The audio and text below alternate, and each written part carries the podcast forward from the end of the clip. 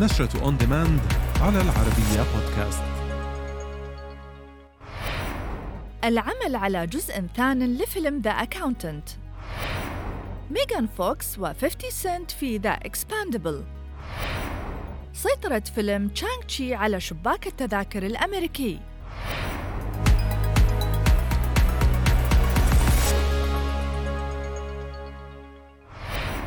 صرح المخرج جافن أوكنور بعودة بن أفليك وجون بيرنثال للعمل معا مرة أخرى في الجزء الثاني لفيلم The Accountant وصرح أوكنور في مقابلة على ReelBlend بودكاست بأن الجزء الثاني سيشهد دمج شقيق كريس في القصة لذلك سيكون هناك المزيد من الوقت لظهور بيرنثل في الفيلم. وأوضح أن السبب الرئيسي وراء رغبته في تكملة الفيلم هو تمهيد لصنع ثلاثية من هذا العمل المميز.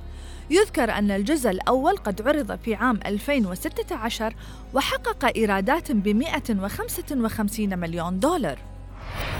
أعلنت شركة لايون جيت عن انضمام ميغان فوكس و50 سنت للجزء الرابع من السلسلة الشهيرة The Expendables ولم تكشف الشركة المنتجة عن تفاصيل أدوار المنضمين الجدد أو عن أحداث الجزء الرابع من الفيلم.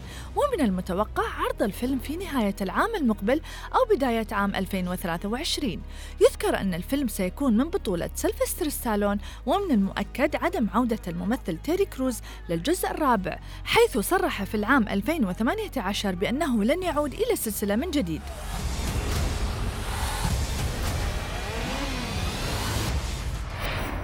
سيطر فيلم الأكشن شانغ تشي على شباك التذاكر الأمريكي منذ عرضه في صالات السينما في الثالث من سبتمبر الجاري محققا إيرادات وصلت إلى 8 ملايين دولار.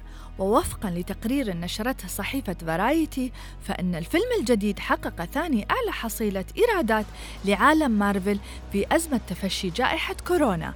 بعد فيلم Black Widow في افتتاحيته الأولى. وتدور أحداث العمل حول البطل الصيني الخارق شانغ تشي الذي يخوض معركة ضارية مع عصابة الخواتم العشرة.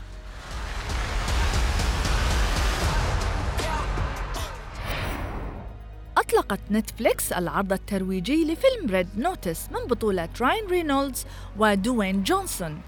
تدور الأحداث حول Red Notice الصادرة عن الانتربول وهي تنبيه عالمي لمطاردة أكثر المطلوبين في العالم.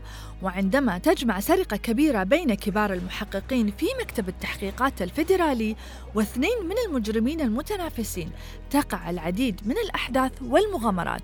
الفيلم سيعرض في الثاني عشر من نوفمبر المقبل على منصة نتفليكس